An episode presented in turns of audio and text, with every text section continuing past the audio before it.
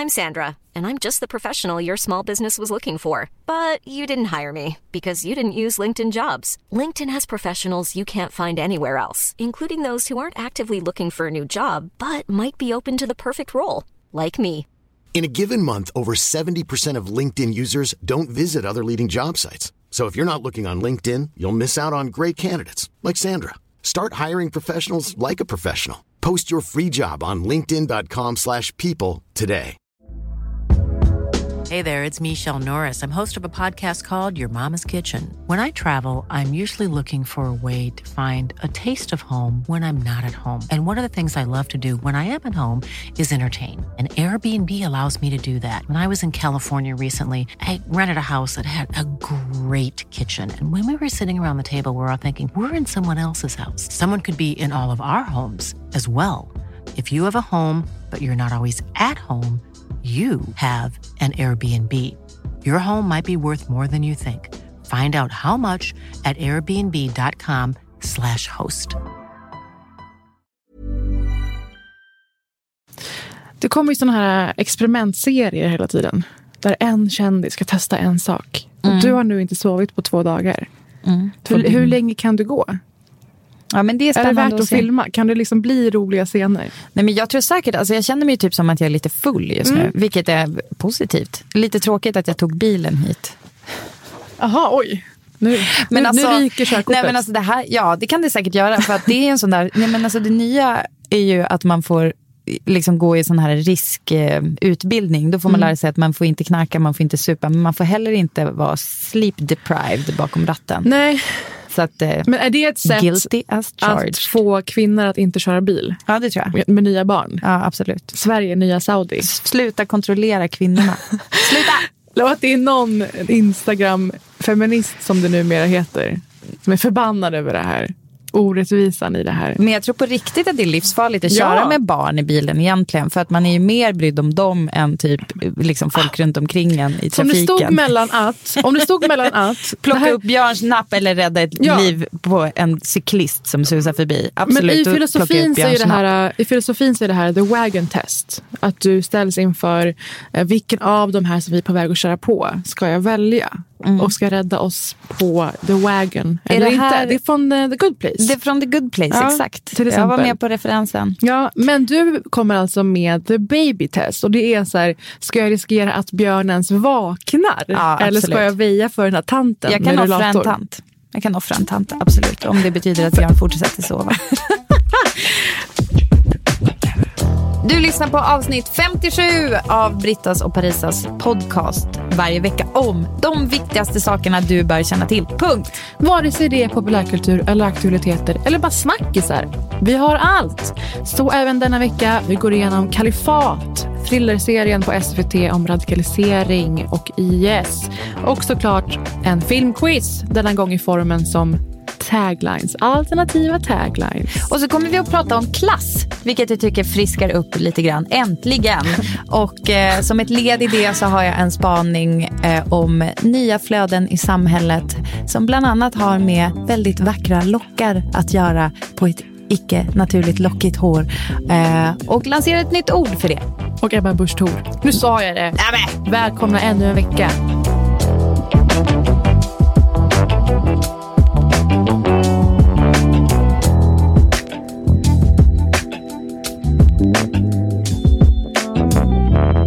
Alltså min misär, nu bjuder jag bara på det. Ja. Eh, att eh, Kalle igår hittade...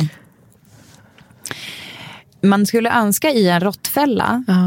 Men det var tyvärr inte i en råttfälla. Eller det var i en råttfälla fast det var ute på våran gräsmatta. Så såg han en råtta som gick omkring med en råttfälla. Som en muterad råtta. Han hade blivit ett med fällan. Absolut. För den, den man se. fällan, det var ett tag sedan den försvann kan jag säga. Det var några dagar sedan. Vänta nu, den har alltså gått runt ett tag. Ja, sådär. och jag trodde att Kalle drev med mig för att skrämma upp mig. För jag, alltså, så här, Nej, du känner mig. jätteäcklad. Nej, men alltså, så här, Parisa, du känner mig. Jag är ju inte så... Jag är inte så lättäcklad. Alltså jag är, jag Nej, är väldigt så här, hög tolerans. Och jag är inte så liksom, äcklad när det gäller djur Mm. och liksom, så här, kavla upp ärmarna och liksom bara äckla mig. Nej, men du har ju det inse- som behöver äcklas. inseminerat ett stort djur. Det har jag inte. Det var inte du, nej. Nej. Många sådana jag nu bara, i jag var ändå tvungen att tänka efter, som att det inte skulle ha varit minnesvärt. Nej, men jag har ju liksom, du vet, dolat min hund när hon födde valpar och så här. Det kanske folk tycker är fint. Det var Men ganska nu. mässigt. Så när jag liksom bara gav min katt lite mjölk då och då och tryckte på hennes mage då och då när hon Mm. födde barn, har jag dolat då? Ja, kanske. Ja, det, det jag. som är Vi kan väl det. yrkesbeskrivningen Ja, för det dolorna. Mm. Sign me Det är up. så man gör, alltså det är så professionella dolor gör, att de trycker på kvinnornas tuttar. Ja, jag fick ut en unge. Mm. Nej, men grejen är att eh, jag, jag, menar så här, jag är väldigt tålig. Mm. Men när det kommer till fucking råttor, där går min gräns Parisa. Där går min gräns! Alltså, vet du hur äcklig den var? Och Kalle har lagt upp det här på internet. Ja, men så det kan man se det. På Han, Britta varn, och han varnade i efterhand. Mm. Nej, men, eh, det som var var att den gick runt med fällan och var till synes fortfarande ganska mobil. Då kanske man inte så mår vidrigt. så dåligt heller. Det Nej. kanske slog på ett sätt som gjorde att han fortfarande kunde... Ja, men det, alltså, det, är Operera väl en fritt. väldigt, det är väl en väldigt, väldigt kraftig ras vi har att göra med. Som just nu liksom spånar under vårt hönshus. För de lever tydligen av det som faller ner från hönsen. Ja, du ser, du ser väldigt äcklad ut och det är äckligt. Och det här höll mig också vaken kan jag säga. Så där är jag nu i min mörka, mörka grotta av ångest. Hur mår du?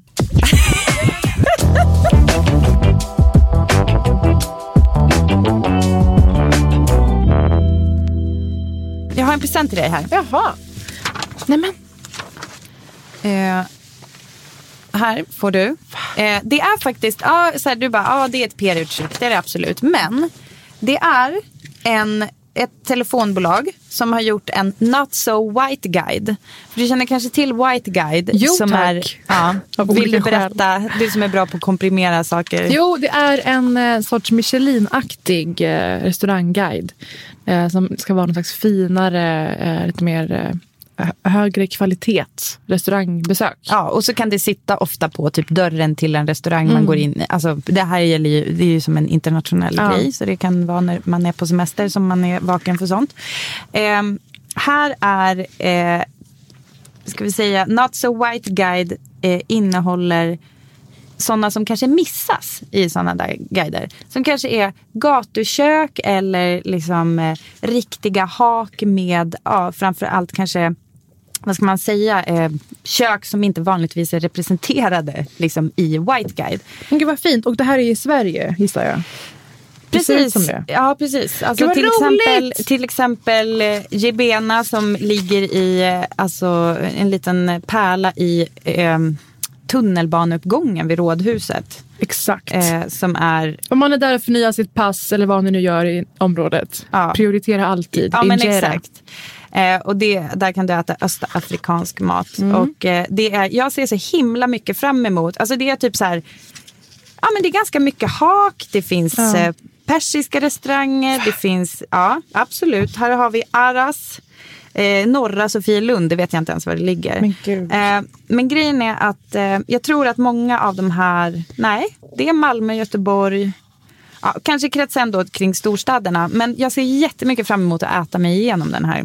Det ska vi verkligen göra. Eh, jag vill också addera alltid när jag lägger upp att jag äter persisk mat, vilket jag gör också med flit, för att hålla intresset igång, så vill folk ha tips på vart de ska gå. Och i Stockholm finns ju i norra Stockholm Vanak, V-A-N-A-K, Okej. som är en sån jävla go-to för alla iranier med alla kompisar som är liksom besatta av ris och tadik och all den här underbara maten. Det är jag också. Och sen finns det en lite enklare fast food-variant som är på Sveavägen. Som Aha. heter San Devich. Med en sån, skär, med en sån sol. Och det är, så, det är så man säger macka, alltså sandwich. Det är Jaha. väldigt många amerikaniserade ord Ja, ja, ja. i Iran, ironiskt nog. Och där har de tagit klassiker som sabzi och allt vad det är, alltså de här Oh. grytorna, Mm. och makifierat dem. Oj, oj, oj, oj. Så det är nära om man är i stan. Men gud Eh, och vanak kanske mer om man har eh, tid en söndag eftermiddag och sådär. Så det var mina Stockholms eh, tips. Men jag är så glad för den här Britta. Svinbra. Ska vi inte bara också credda dem som faktiskt har tryckt fram Jo, den det här? kan vi göra. Fast Det är ett Halebop. företag. Det är Halebop. Halebop. Varsågoda. Ska jag, jag har en liten gameshow till dig. Oho. Eller jag, har, jag vill ju bara få prata om film. Ja, Det här, roligt. och det här är hur jag har eh, Eh, justerat det lite för att det ska bli lite mer gameshowigt. Det är väldigt lätt gissat, tror jag. Vi får Okej. se. Det jag har gjort är att jag har skapat en gameshow som heter Gissa tagline-filmen. Ni som inte har hört podden förut kanske ska veta det. Att vi har ofta gameshows. Tycker vi är kul. Och den signaturmelodin är ju så här. Aha. Something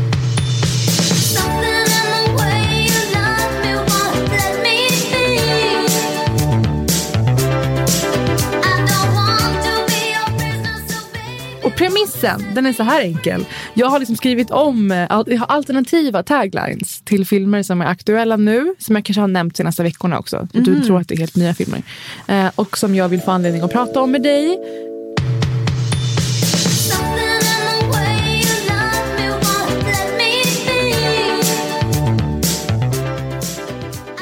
Alternativ tagline nummer ett.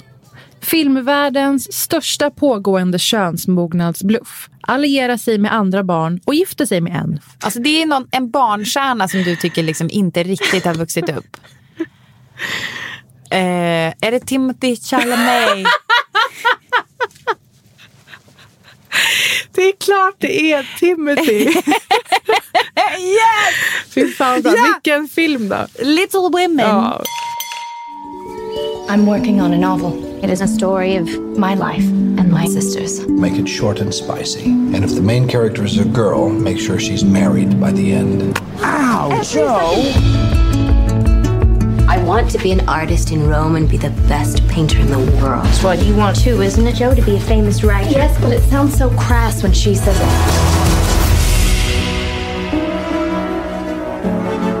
So, who does she marry?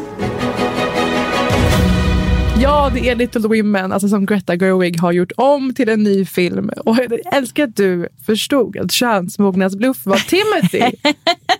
jag tänker inte vara med och spela det här spelet. Eh, och varför jag säger andra barn. Alltså han spelar i den här filmen mot Emma Watson Ja. som blir en tvåbarnsmor. Va? Ja, Va? Du skojar? Hennes karaktär. Jaha, jag Men tänkte gud. väl. Åh herregud, men Florence- ändå. Men alltså vad är, för hur gammal är hon? Hon är som jag, 90. ja, det, för det köper man ju inte. Nej, men också för hennes utseende. Det mesta av det här är utseendebaserat. Och det måste man ta hänsyn till om man är castare. Ja, ja. Kan den här personen verka vara en moderlig tvåbarnsmor? Eh, Florence Pugh, som vi ju såg i Midsommar, eller jag i alla fall, Ari gjorde Aster vi. skräckfilmen. Och uh, Saoirse Ronan. Cersei Ronan. Saoirse. Hon blir liksom mer extrem med uttalet för varje dag som går. För hon, hon får ju det. Ju mer känd hon blir, desto mer anspråk får hon ta på att nu ska ni fan lära er. Ja. Saoirse Ronan. Hon spelar ju Joe. Ja. Eh, och jag tycker att hon kanske gör sig bäst som den här truliga tonårstjejen i Lady Bird. Ja. Så där också var gentemot Timothy och eh, regisserat av Greta Gerwig. Visst är Lady Bird på vår officiella måste-se-lista? Britta och Verkligen. Parisas. Vi har en bokklubb, BP bokklubb, med, film, med böcker som vi, eh, vi vurmar för. Och rekommenderar och hotar er med. Att Ja, ni måste absolut. läsa. Mm, Det blir spöstraff. Och det här är en sån, Lady Bird. Och här ska hon vara, nej fan, vi återkommer till det. Eli, Eliza Scanlon, okoll på sen innan. En väldigt duktig dock i den här filmen. Och modern är Lara Dern. Ja. Hon är ju lysande, det vill alla återkomma till. Men i den här filmatiseringen så är hon så genomgod på ett så här nästan klibbigt sött sätt. Jaha, är det inte bra? Nej, men det blir så eh, det blir noll dynamik, det är så enformigt. Något Jag läste, jag tror det var DN som tyckte att hon var toppen i den här.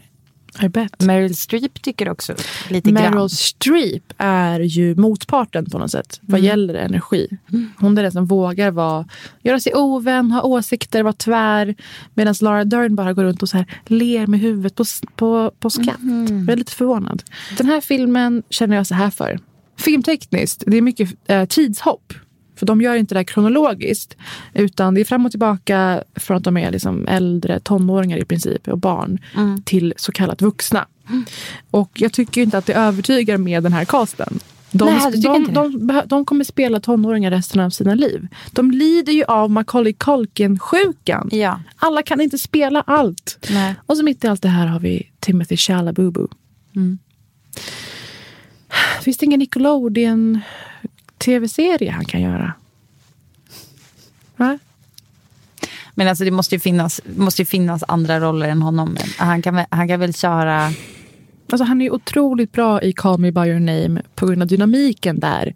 Att han ju är den här, liksom, han ska vara den här pubertala, storögda personen.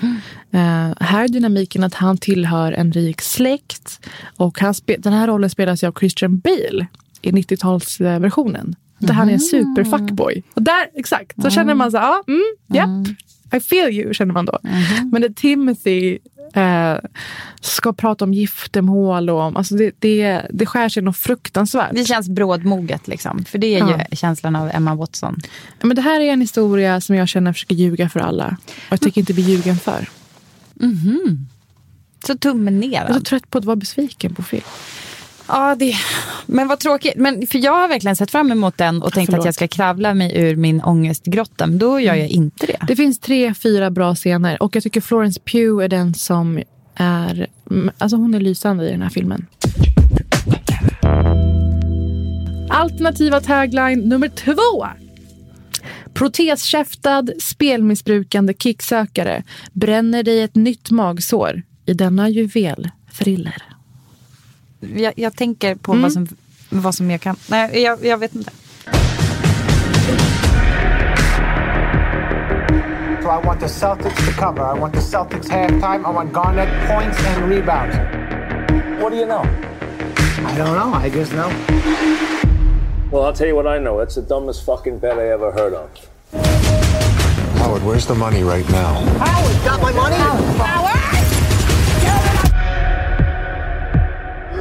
It's game night. You should be stretching out. what is he, a coach? Nah, he's just a fucking crazy ass Jew. Är det en thriller? Det är det. Och det är det som är så... Ja, Med Adam Sandler? Adam Sandler. Han gjorde ju den här Paul Thomas Anderson-filmen. Punch Drunk Love. 2003 cirka. Don't test me on that. Eh, och då var det prat om att nu får han en Oscar. Nu händer det. Klart en person som har spelat i 40-50 filmer har skådespelarchops. Jag, jag är lite också sur över att alla är så chockade över att han är duktig. På något sätt. Han har ju valt att göra de här dock eh, dumhumorfilmerna. Jag kan njuta av många av hans filmer. Speciellt de tidigare. Ja, jag känner, jag känner ljumma känslor för Adam Sandler. Okej. Du kommer inte känna det efter den här filmen. Det är en, en trippig, otroligt intensiv upplevelse. En person, alltså det är så bra om psyket bakom spelmissbruk. Bakom så här, men storslagna idéer om sig själv. Ehm, han jobbar på 47th Street i New York, som är Diamond District. Har en fru och familj och sådär. Och såklart en älskarinna i en lägenhet på Manhattan. Sjuk filmupplevelse verkligen. Den måste ni se, säger jag rakt av. Sen så är, är det så långt ifrån Adam Sanders andra filmer. Ja, för någonstans finns det ju en Ben Stiller-aspekt i det här. Alltså alla de här Ben Stiller-filmerna där allt går åt helvete. När eh, fan Robert Niro är hans svärfar, du vet. Alltså man, den ångesten är också där. Åh, nej men gud, ska det bli så här nu? Åh, jag orkar inte. Den där Mary. Ha. Exakt. Men nog om den nu. För jag lyssnade på en, favori, en favoritpodcast som pratade om den. Pop Culture Happy Hour. Som är en podd och radioprogramssak på NPR. Tips om den. Och de pratade om den här och lanserade ett begrepp som jag inte hade hört om. So for some reason there has been this spate of articles that I keep seeing from like Forbes and Money magazine about this particular class of millennials who make six-figure incomes but are classified as Henrys, which is high earners not rich yet.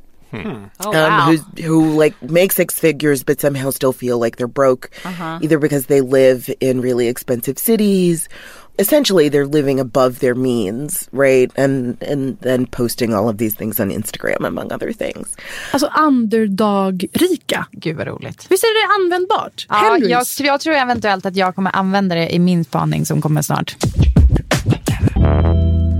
Alternativa taglinen nummer tre. Dödligt kreativ fattigdom. Nej men jag tänker, nej men nu försöker jag också tänka på, ehm, vad heter den här, alltså din favorit, eh, som fick eh, Guldbaggen nu för utländska? Nej. Tänker du på Parasite? Parasite, exakt. Det är rätt! Ding, ding, ding, ding! 그런데 착하다니까. 진짜 니가 착한 거지. I'm deadly serious.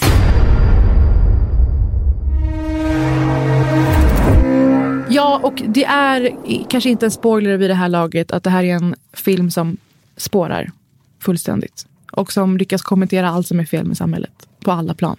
Det, alltså det är kanske den största filmupplevelsen på ja, men i alla fall typ tre år. Är det jag. sant? Vad Ja. roligt. Jag kände ju som med The Favourite också på ett sätt, att psykologiska, så jävla intressant. Och det ger verkligen den här filmen. Samtidigt som den är sjukt spännande. Verkligen. Eh, och eh, det som är, det är en syd- sydkoreansk film som gör succé världen över. Och ehm, det handlar om en familj som ju är fattiga. Och måste hitta olika sätt då för att alltså, ens få tag på lågavlönade serviceyrken. Och då tar till eh, sin kreativitet. Hitta olika sätt att nästla sig in i en viss rik familj. Eh, och sedan då blir det konkurrens kan man säga. Om de här positionerna. Och det är då den här filmen blir som en helt annan film i samma film. Alltså det är magi. Det är filmmagi på alla sätt. Och det som den så träffande sätter fingret på är, alltså med ordet parasit. Vem parasiterar egentligen på vem? Överklassfamiljen de bor hos som liksom är besatta av branding och vill ha privat, privatchaufför och så vidare. De tror ju att det är på ett visst sätt. Vi i biosoffan ser någonting annat. Eh, och det är sån också solklar poäng om hur fixerade våra positioner är i samhällsklasserna. Alltså vissa behöver befinna sig på en låg nivå för att andra ska kunna vara rika. Och så Absolut. vidare. Alltså den är, man, Alltså man ett- sitter kvar och är bara helt häpen. Men typ ett, som ett osynligt kastsystem. Alltså Ja. i Indien så kallar de det i alla fall för någonting. Mm, här I- säger vi bara Bianca Ingrosso har en lägenhet på grund av att hon jobbar hårt. Jag tror att klass Mm. kommer vara ett ämne som vi kommer återkomma till väldigt mycket liksom under kommande år. Jag tycker Mm. klass är superintressant. Och just så här, hur vi i Sverige beter oss kring att vi försöker låtsas som att det typ inte riktigt finns. Mm. Alltså att det är så fult att prata om klass eh, och klasstillhörighet och klassresor. Eh, men... ehm, Åh gud, alltså jag vill bara slänga in ett jättesnabbt eh, eh, kör. boktips faktiskt angående klass. Den heter eh, Svensk smak. Är du fin nog? Den boken handlar om hur det är ehm, det som anses fint, alltså eh, som att ha i sitt hem eller vad som är liksom god smak är någonting som är sådana där osynliga, oskrivna regler som Verkligen. du mer ska, det är för de initierade att känna till. Ehm, Vill du höra något hemskt jag var med om? Ett meningsutbyte som fick mig att inse att en vän har så grova klasskomplex. Och så mörken syn. Nej, men jag skulle på bröllop i Italien i, eh, i juni. Och eh, då är det bara Ryanair som flyger till just den flygplatsen dit jag skulle. Och så nämnde jag förbifarten, så, nej men jag måste till Skavsta måndag morgon. Och när kompisen bara ryckte till och kollade på mig. Men, men vadå Ryanair? Och så med ett så här snett, lite så här sniket leende. Går det så dåligt? Hur vidrigt? alltså, Att man känner... vad är det för folk du umgås Du, med? här hörde ni, det var en till oförrätt. Nej, men jag älskar frågan om klass. Jag vill också panga in eh, Nina Björks Lyckliga i alla sina dagar. Sån jävla eye-opener också om det här osynliga du nämner. Ja. Som vi bara ser som väntat och givet. Men jag tror att du har rätt i det, frågan om konsumism och klass och allt det där. Men ju, det som, alltså, eh, Katrin Mar Marshall, säger vi så, Marsall. Eh, hon skrev i eh, DNs lördagsbilaga om rävjakt i England och att det var så roligt för att hon jämförde det att överklassens rävjakter är lite grann som ett, ett skogsrave. Du måste känna till var du ska vara. Det går inte att googla det här. Du kan liksom inte söka upp informationen utan du måste känna rätt folk och bara veta typ var, var det här håller hus. Och lite så tycker jag att det är med så god smak. Att det är ju någonting som du inte riktigt kan ringa in och, och ingen kommer berätta för dig utan det är någonting som du bara måste Alltså, njuter av att hon finns och att hon verkar. Ja, verkligen. Men det här med Eh. klass också. Det är som att det här liksom beigea uniformen vi ser kvinnor gå runt i på Östermalm kan ju också bli fel. Eh, och de som har störst intresse av sådana faktorer där man lätt ska kunna göra skillnad på folk Mm. är de som vill kunna hålla folk ute. Även med nationalitet ju, ser Ja. vi det. Så allt som är hårt definierat är det för att kunna exkludera. Fy fan vad lustigt det är att vi ganska ofta lyckas ha så här, på varsitt håll olika ämnen. Men det här, alltså det här jackar i perfekt i min lilla... Jag kommer lansera ett nytt ord snart. Ljuvligt. Hoppas Mm. det är typ nu. är du klar med gameshowen?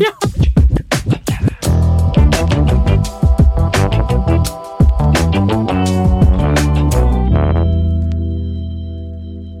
Alltså jag känner att det börjat flöda vissa typer av tankar och ideal som eh, man kan klumpa ihop till ett lite större uttryck som jag skulle vilja mynta just Gud, nu. Det är det bästa jag vet. Okej, så jag eh, kallar det för nouveau reaktionist. Åh herregud. En play på nouveau riche och reaktionist, absolut. Eller reaktionär. Ehm, behöver jag förklara reaktionär? Gärna. Ja, men det är ju typ baksträ- bakåtsträvande, att man vill eh, tillbaka till en svunnen tid. Ja. Eh, och jag har eh, ett gäng olika bevis för att det här är någonting som vi tyvärr kommer se mer av. Gör roligt. Okej, nummer ett. Att det är trendigt att vara rasist, fascist och nazist.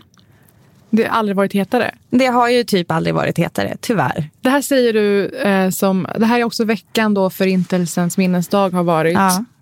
Och eh, ja, tydligare än någonsin. Ja, jag är inte glad över att det är Ja. så, men tyvärr så Är är det- det ju den typen av åsikter vi ser strömma i samhället. Är det en allmän känsla? Eller är det Eh, något... Det är en allmän känsla och jag tror att vi jag tror att våra lyssnare vet ganska väl Mm. att det här tyvärr är fallet. Och jag, jag orkar typ inte utveckla den här punkten så mycket för vi har så många andra att prata om. Nej men det är Mm. nästa punkt. Apropå ingenting, Ebba Busch Thors popularitet. Ja. Helt fristående från förra punkten. Eh, nej men alltså grejen är så här, Ebba Busch Thor står ju för nu är ju hon då visserligen separerad, men alltså hela hennes eh, aura och hela hennes, det ideal som hon står för är ju väldigt eh, bakåtsträvande. Alltså det är väldigt konservativt och det är ju faktiskt så alltså, att hon liksom på något sätt försöker återlansera tanten. Typ. Alltså en, en liksom eh, en, en fru, skulle jag vilja säga. Så som man ser det i liksom den gamla, gamla bemärkelsen. Eh, det är ju faktiskt så att millennials och ska jag säga liksom de flesta influencers runt omkring oss faktiskt är sådana som gifter sig i större utsträckning än vad tidigare generationer har gjort. Eh, håller väldigt mycket på så här kärnfamilj, det ska vara fina hem, det ska, man ska gärna, också åter, den där rika stilen lite grann, att man, man har, eh, det är, så här, eh, det är fortfarande ljust och fräscht liksom. Eh, och det är Alltså man- konstigt, jag tycker att det är konstigt, det är väl inget fel med det, men det som jag tycker är konstigt är att det här är ju en yngre generation, alltså Ebba Busch Thor är ju yngre än mig. Eh, och det, man, man, jag blir så här, var är tonårsrevolten? Eller var är, liksom, var är den yngre generationens fuck you till de äldre generationerna? Här känns det som att de nästan gör mer, de är mer konservativa än sina föräldrar. Verkligen. Och jag, jag, jag har velat prata om det här ganska länge, någon slags nymoralism. Eh, och jag tror att det, det, det går i linje med influencerskapet och det här att de här värdena också ger mycket likes. Och då ger mycket eh, kommersiella fördelar. Kunder och samarbeten och att någon kan lägga upp så här, "Ah, våra härliga nya koppar och eh, spretar ut lillfingret från koppen plötsligt. Eh, då är det säljbart. Tror, Det finns flera motorer som gasar på här. Verkligen. Och att man vill visa upp en, en viss livsstil. Ehm, så jag kommer nog vilja återkomma till det just vad gäller också babyboomen. Den eh, är absolut För babyboomen bland här. influencers ser jag som att det går hand i hand med det som du säger, att vända sig tillbaka till eh, kärnvärlden. Dels att eh, det har blivit en del av en säljbar persona. Att Ja, skaffa familj. Det måste hända Ja. något nytt hela tiden. Och då är en bebis väl till hands. Att man kan bygga sitt personliga varumärke på sin familj. typ. Mm. Eh, en ledtråd för hur man kan känna igen att det är kanske novo-reaktionist som händer i ens flöde, Mm. det är när det finns eh, väldigt perfekta, vågiga lockar på ett hår som inte är naturligt lockigt. Just det. Am I right? På tal om Ebba Busch Thor. Hon var ju på Ellegalan där vi vann pris. Hon var där med sin eh, kära vän och kollega Margot Ditz. Eh, och det har varit en väldigt omskriven relation däremellan. De båda är singlar nu. Efter att Ebba Busch Thor var den som vigde paret. Sägs det i alla fall på Margaux bröllop. Och så framgick det på Ellegalan att Ebba Busch Thor ska börja vlogga. Hon ger sig in i youtubersvängen, har en kanal och lanserar det här på Ellegalans röda matta där hon lanserar att ja, det känns jätteroligt att göra detta samma kväll som jag är ute med dig, Margot Ditz. Vilken slump! Vilken slump, Ebba. Nästa punkt som säger mig att samhället är på väg i en novo-reaktionist eh, riktning är följande kommentar som jag fick på min blogg. Det står så här. Gillar dig annars män. Och Nej. bara den starten. Varför ens skriva gillar dig annars? Men det spelar ingen roll i det här. varför? För då, det svider mer då än att det är en Jaha. total främling. Ja, ja. Mm. Gillar dig annars män, vad fånigt att romantisera knark. Punkt. Oansvarigt. Punkt. Eh, då ska vi se. Hur romantiserar jag knark? Tänkte jag. För jag får ju alla jag kommentarer. Mm. Jag får ju liksom kommentarer i, det är som en slags inkorg i Mm. mitt bloggverktyg. Så jag bara, jaha vad är det för inlägg där jag romantiserar knark? Jag fick leta ganska noga. Därför det är inte super, supertydligt. Du är ju inte en knarkinfluencer. Särskilt eftersom jag liksom inte har knark, alltså du vet jag Mm. har en liten beb, ja, jag har inte knarkat eh, på sistone. Nej. Eh, trodde jag, eller det har jag inte. Men så här har jag skrivit. Jag har skrivit om en ansiktsmask som är från Skin Treat. Shout out, för det är en jättebra mask. Den heter 10 minute facial, men den kan man bara ha på i typ fem minuter. Men det ska man. Eh, sen så sköljer man av den och eh, så här har jag skrivit då. Lyssna, den här masken kommer kanske först inte känna så mycket. Men precis som när du rökte på första gången så kommer du hinna tänka, vadå, jag känner inget och då kommer det smälla till. Och när du tagit av masken så bränner det ännu mer. Ditt ansikte känns som när du glömt SPF men varit ute i en vårsolig skidbacke en hel dag. Eh, och då ska man gå och lägga sig och sen ser man fantastisk ut på morgonen. Men det var alltså det att jag skriver, bara det faktum att jag skriver att det här är ganska vanligt när folk röker på första gången. Det här har jag lärt mig från populärkulturen, helt Absolut. allvarligt. Alltså det är som ett etablerat skämt. Att man bara, vadå, jag känner inget. Och då, eh, liksom, precis då är man typ, det är då man börjar bli bäng. Liksom. Jätteroligt. Och Nej, det här är att jag romantiserar knark. Förstår du? Alltså den här eh, liksom knark bajsnödigheten Ja. Alltså, som vi ju faktiskt i. Sverige sitter jag, på. Du sitter ju med den största knarkhataren i Sverige. Jag vet. Som aldrig har knarkat. Och till och med jag, skri- alltså det här är så talande. För det enda den här personen vill är att pekpinna dig. Det är Ja. vad jag tar med mig av Ja, den här ja. historien. Och att du skriver också första gången. Du skriver inte så när man röker på och... Ni vet hur härligt det är. Jag har inte ens skrivit i positiva ordalag. Nej. Ändå romantiserar jag knark för att vadå, jag nämner knark. Exakt. Jag alltså nämner bara att, att, det förekommer. förekomsten. Det här låter ju väldigt eh, KD. Absolut. Att man inte ens får benämna att det förekommer. Den här, liksom, det är en sorts censur som är ja, men, eh, borderline obehaglig faktiskt. Ja, Min faktiskt. första semi-nyanserade knarkåsikt.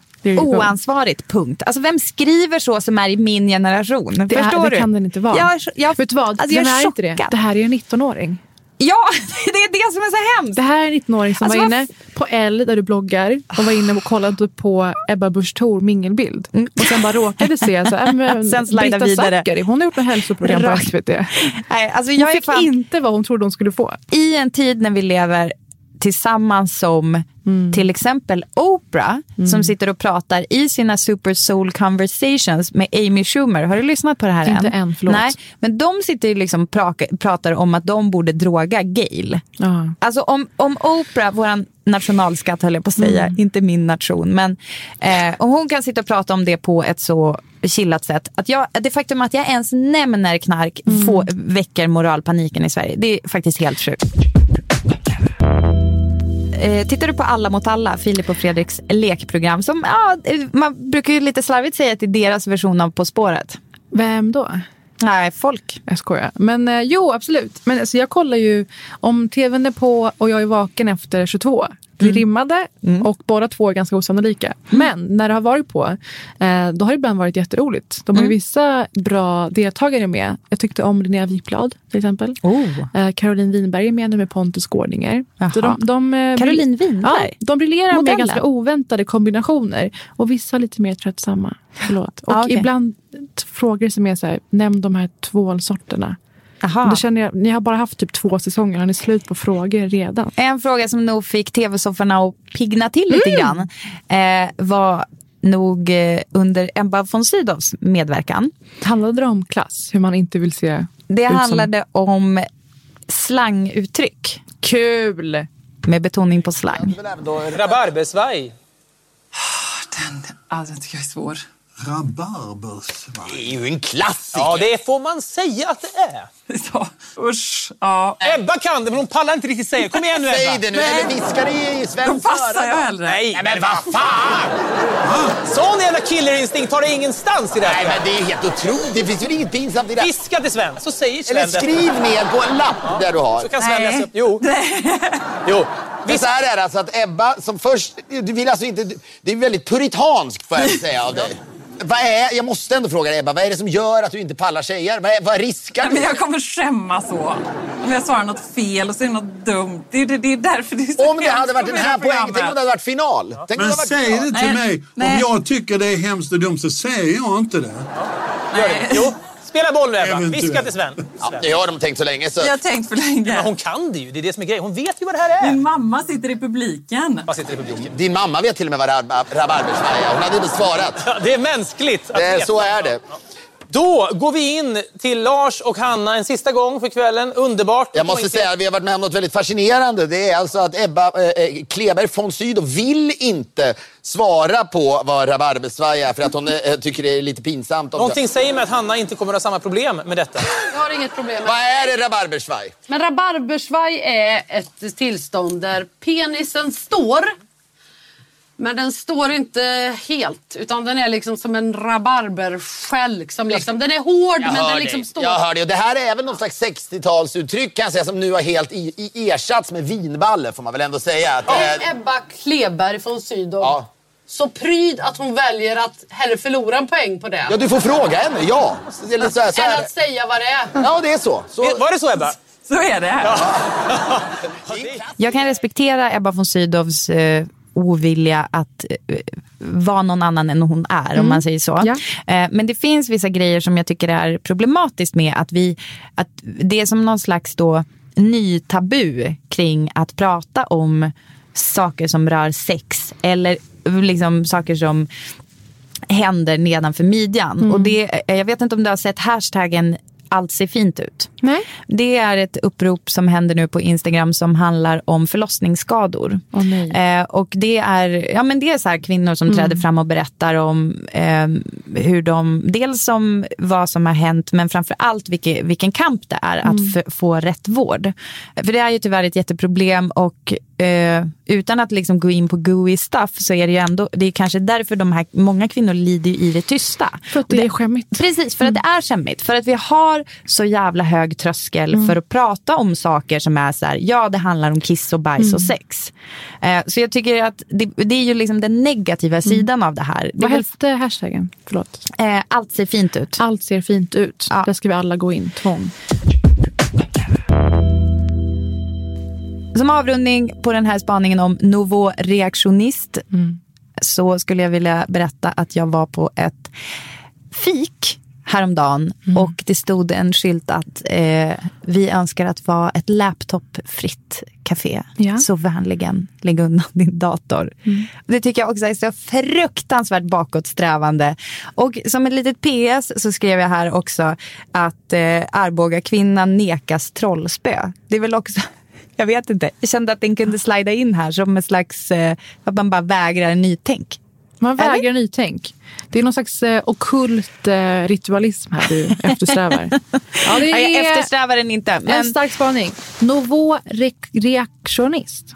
Ja, det är en hashtag som vi kommer Ja. breaka.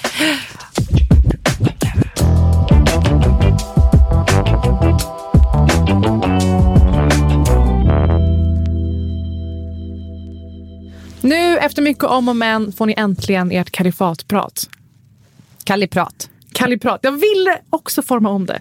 Och Alltså jag, hatar att vara, jag hatar att vara på fest för det är så mycket kalliprat. Ja, verkligen. När man minglar. Eh, det här är den stora thrillerserien som också tangerar en otroligt svår fråga i vår tid. Kalifat på SVT berör alltså fundamentalism, radikalisering och närmare bestämt då IS såklart.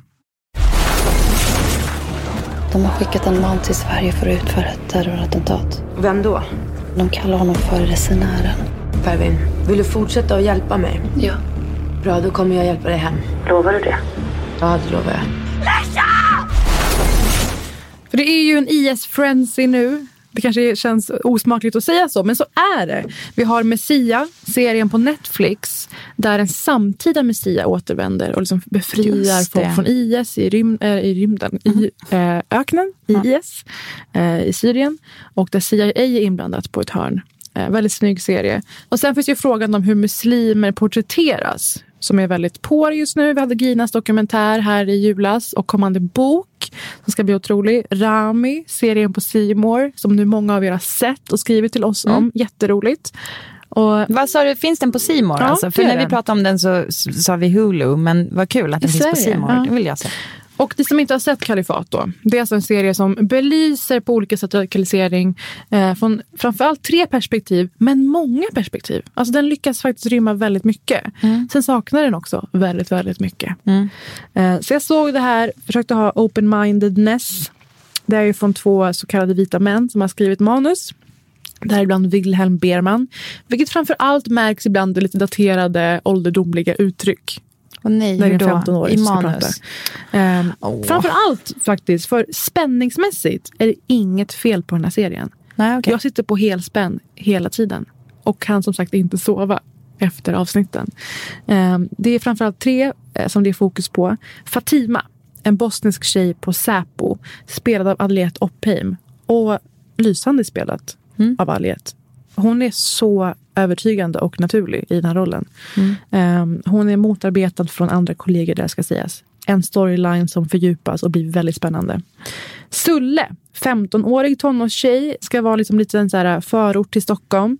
Ehm, hon radikaliseras allt mer när en charmig elevassistent ger henne uppmärksamhet. Behandlar henne som en vuxen. You see. Jätteintressant hur man lockar till sig någon som verkar så långt ifrån att hamna där. Hon är också lysande skådis. Så jävla duktig. Ja. Hur gammal kan hon vara? Jag vet 20. inte. Ja. Eh, vidare Pervin. Ja. Spelad av, mm, vi har ju snackat om henne mycket, Gizem. Gizem Erdogan. Pervin befinner sig i det djupaste IS i Raqqa i Syrien med sin ja, nervsvage man till IS-krigare. Väl porträtterat av detta avskum och hans vänner faktiskt. Gjorde väl inte fel, eller hur? Nej, du gjorde inte absolut inte fel. Så. Jag visste inte att du var barn. Jag visste inte. Men varför kommer dess bilder till mig? Varför ser jag blod hela tiden? Va? Erwin. Jag kommer brinna i helvetet. Nej, det kommer du inte. Jo, dess bilder kommer hem till mig hela tiden. Ta det lugnt. Så. Jag ska ta hand om dig. Jag gjorde väl inte fel, eller? Nej, du gjorde inte fel. Ja. Du måste ta hand om lilltjejen. Att det är framförallt fuck-ups som dras till det här. Som älskar våld och som på något sätt vill kunna motivera våld för sig själva. Att man gör det av något heligt syfte. Låter det bekant? Host, host, troll. Fuck-ups drar till, dras till ett syfte. Ett syfte, alltså att ursäkta sitt, eh, sin eh, utlevande livsstil. Ja, på. och någonting jag kanaliserade i. Så är det ju. Och med- de flesta av de här har ju gamla domar, våldtäktsdomar och plötsligt får de känna sig liksom rena och rättfärdigade. Ja, framförallt det. I sitt våld Högre och sitt syfte. hemska jävla sätt. Eh, och hon bor där med sitt barn Latifa och vill plötsligt ut. Skitspännande. Eh, påkostad serie, absolut. Men fokar framförallt på det här nära, känslor, spänning, dialog. För de har ju inte budget för att göra en Avengers. Liksom. Men det är ganska många såna eh, stora actionscener. För att på något sätt närma oss debatten kring det här tänkte jag helt utgå från de två debattartiklar som har skrivits i veckan, av många säkert. En är av Bilan Osman som ju är journalist och föreläsare på Expo. Eh, pratar ofta om antimuslimsk agenda och sådär. Väldigt duktig. Eh, hon skrev eh, sin kritik i GP och som sen eh, SVT-chefen Anna Kroneman, alltså chef för drama på SVT, också svarade på. Eh, och det kommer vi till. Bilan pekar på till exempel. Hon börjar med att eh, vara öppen för serien. I serien ställs många frågor om radikalisering på sin spets. Kan man ångra sig? Vad är det som gör att man egentligen väljer bort en tillvaro i Sverige för ett liv i ett krigshärjat område? Hur kan föräldrars desperation se ut? Det är tre frågor man vill ha svar på ögonaby. Verkligen sätter fingret på vad det är som är grejen. Och vad de så bra eh, belyser också i serien Kalifat. Eh, hon nämner Sulle, 15-åringen, som radikaliseras som ett slags tonårsuppror. Och där hennes pappa ju är väldigt anti-religion på det stora hela efter hans uppväxt i en förtryckarregim. Varför du tycker inte om dem? Vad är för fel på dem? Åh, det, de, det är inte bra folk. De hatar så mycket. De bara hatar, hatar, hatar. De blev glada och tackade Gud när de attackerade den där tidningen i Paris. Du vet, Charlie Hebdo. Vad är det med det då? Ja? Jag tycker de var hjältar. Den där tidningen skändade islam. Det förnedrade muslimer. Jag tycker det var bra att de dog. Och eh, då hamnar vi i att de har inte med någon vanlig muslim i hela serien. Inser jag då. Det finns ingen som har slöja och bara går i skolan. Eller bara går och handlar på Ica. Sitter och snackar på tunnelbanan. Och då känner jag att det dramaturgiskt, alltså berättarmässigt, eh, har en enorm brist. Verkligen. För då fattar vi ju inte hur extremt det är att fucking ta, ta flyget ner till Syrien då. Om allt alltid är, så fort en muslim närmar sig så är det olycksbådande musik. Så bilen verkligen, ehm, tycker för mig även som är insatt i den här frågan, var så väldigt bra i att benämna att så här, varför, varför kunde du inte ha en enda vanlig? Hon beskriver det så här, antingen är vi förtryckare eller så förväntas vi vara frihetskämpar. Ehm, det finns inte en berättelse om muslimer. De flesta befinner oss i mitten, både politiskt och religiöst. Vår tillvaro ser ut som den gör för de allra flesta andra. Jag tycker, ja, precis. Jag, jag tycker att det låter som att de har gjort läxan dåligt. Alltså därför att man, ehm, det finns ju en större... ehm, det skulle kännas mer initierat om man också hade med eh, liksom den vanliga eh, delen av det. Eh, jag tycker det är snudd på... Alltså det var konstigt att det inte har liksom varit fler röster kring det. Ja, och så messar jag med lite fler kompisar som också nu har börjat titta på serien med nya ögon i och med Bilans text. Och räknar och kommer fram till att inte en enda person som har slöja är inte radikal. Det finns ingen som bara har slöja och inte är med i IS eller på väg att gå med i IS. Så vi, det blev så uppenbart med i Bilans text. Alltså, Ja. Hur kan ingen ha nämnt på något möte? Kan vi inte ha någon i bakgrunden, tio meter bort, som bara är ute och spelar fotboll eller någonting? Och sen det här med föräldrarna. Det är så sjukt bra gjort i den här serien. Alltså uppgivenheten. Kan du föreställa dig ett Essa om 15 år? Träffa någon kille som får en att börja tro på någonting eller ser ett. YouTube-klipp eller någonting. Och vad kan du faktiskt göra? Och då visar det sig att de har ingenting de kan göra, föräldrarna. Vilset vänder de sig till en fältassistent som ska ta tag i den här enorma samhällsfrågan. Att omvända någon som är radikaliserad. Vadå Ehm, fältassistent? Fältare, alltså en elevassistent i princip, fast Jaha. hos kommunen. Som är ute och patrullerar med kidsen. Ehm, ja. Anna Kroneman svarade sen. Hon är ju väldigt begåvad och kompetent. Jag har intervjuat henne för ett par år sedan. Jag tycker hon är väldigt lätt att prata med om sådana här svåra saker. Och hon förstår ju hur viktigt det är att man eh, skildrar det här rätt. För att vi lever ju i en antimuslimsk era. Verkligen. Hon svarar så här, att, och det tycker jag var väldigt bra. Hon markerade att redan innan vi släppte serien hade folk bestämt sig, de flesta av dem. Eh, hon säger så här. Innan premiären hade människor på sociala medier bestämt sig. Kalifat skulle vara en serie som normaliserar fundamentalism och gullar med IS-krigare. Eller så är det en serie som reproducerar stereotypa bilder och utmålar alla muslimer som terrorister. Och hon menar ju sen på att det inte stämmer och det är absolut mycket mer nyanserat än så. Och det är värt att ha i åtanke att för många i Sverige så är den här serien bara så här, jaha, ska vi tycka synd om den här 15-åringen nu? Men så utlovar hon då mot slutet. I framtiden blir det alldeles vanliga svennemuslimer i SVT-serier. Och det tycker jag var lite roligt att hon i den här liksom, eh, väldigt, ja men man kan tänka sig så konfliktbenägna situationen Mm. som debattartiklar är ändå är så här, vet du vad? Det kommer nio till serier i år. Jag lovar att det kommer förekomma muslimer på olika sätt. Just Mm. det här är ju en enskild serie. Ehm, Ja, alla jag- behöver inte vara representativa, absolut. och jag läser mellan raderna dock också att Anna kanske hade önskat att de hade tänkt på det. Men precis, för det, det kanske kommer andra serier, men, men det är ju fortfarande så här. Eh, jag tycker att det finns en intressant vågskål. Eller så här, I ena vågskålen har vi eh, att folk behöver representeras mer. Och i den andra har vi så här, bara för att man visar att det är på ett visst sätt behöver Mm. inte betyda att man då utesluter alla andra sätt. Nej. Är du med mig? Alltså, Men så här, eh, om man visar en eh, ungdom som Mm. radikaliseras behöver inte betyda att eh, det gör alla i Mm. slöja. Så här, folk som sitter hemma i sofforna får ju liksom vara smartare än så. Ja, fast är de men, inte. Det men vet vi ju. samtidigt, så här, Ja. nu är det här deras stora som de kablar Exakt. ut. Och det hade inte kostat mycket för dem att slänga in lite bilder här och där. Mm. Eh, att, ja, jag, jag vet inte, jag är ändå förvånad. Vad gäller Gizem Erdogans Pervin. Än så länge har det varit väldigt lite om hur hon faktiskt hamnade där. Hur mycket hon är allierad med värderingarna. Så det önskar jag att få se mer de närmaste två veckorna. Eh, hur hamnar man med en nyfödd i Raqqa med en IS-krigare egentligen? You guys.